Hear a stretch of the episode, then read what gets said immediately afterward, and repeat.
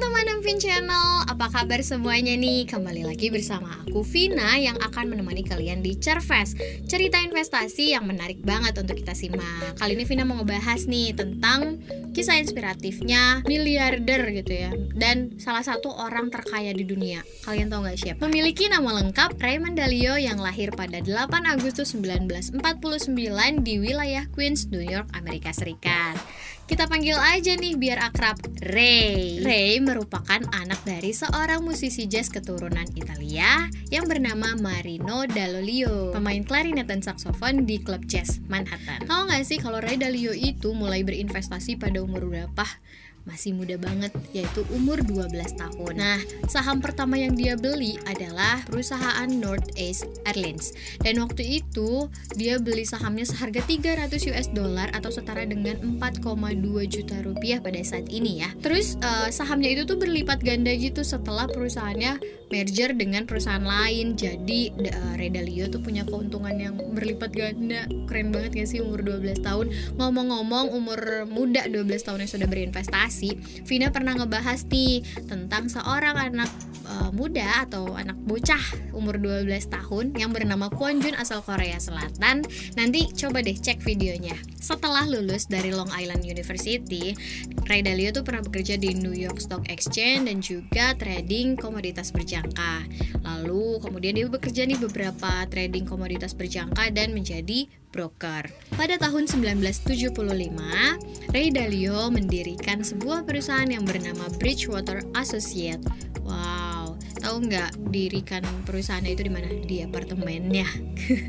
Bridgewater Associate ini adalah salah satu perusahaan hedge fund terbesar di dunia pada tahun 2005. Secara sederhana, hedge fund adalah pengelolaan dana investasi kolektif yang dilakukan oleh investor mitra. Dalam metode investasi, umumnya terdapat seorang manajer investasi yang dikenal sebagai manajer fund yang bertugas mengelola uang untuk mendapatkan hasil yang optimal. Nah, tujuan utama dari pengelolaan dana ini adalah untuk melindungi jumlah aset agar tetap terjaga dan terhindar dari kerugian resiko pasar. Maka dari itu, hedge fund itu bisa disebut juga dengan dana lindung nilai yang karena tugasnya itu melindungi jumlah aset yang tadi Vina sebut ya. Secara khusus, hedging fund atau hedge fund nanti akan Vina bahas di episode berikutnya. Tentang bagaimana sih cara uh, kerja hedge fund itu, nanti kita perdalam lagi ya. Simulasinya tuh kayak gini ya.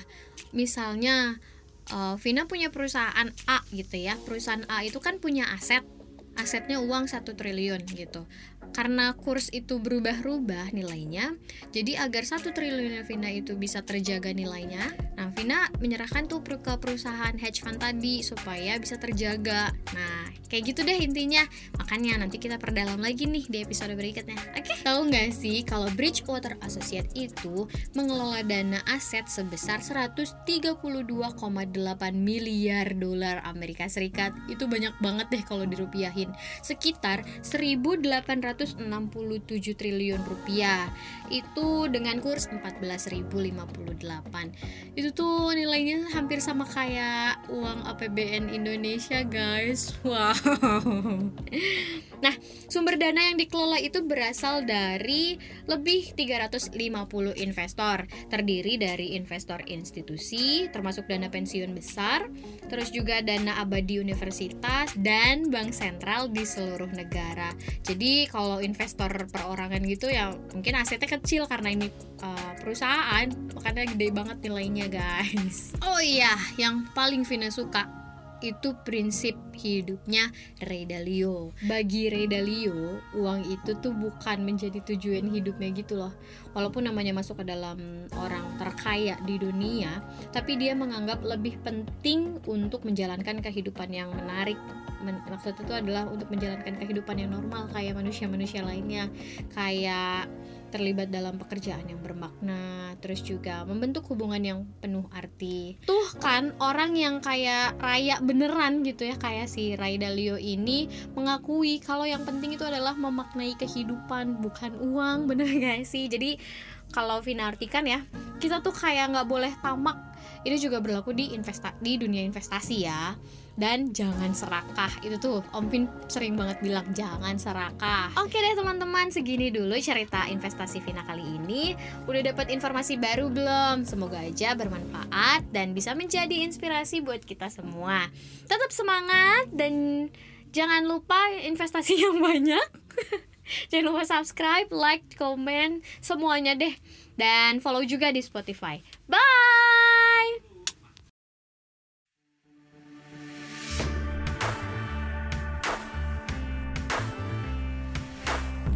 Secure the future. Start invest. It's time.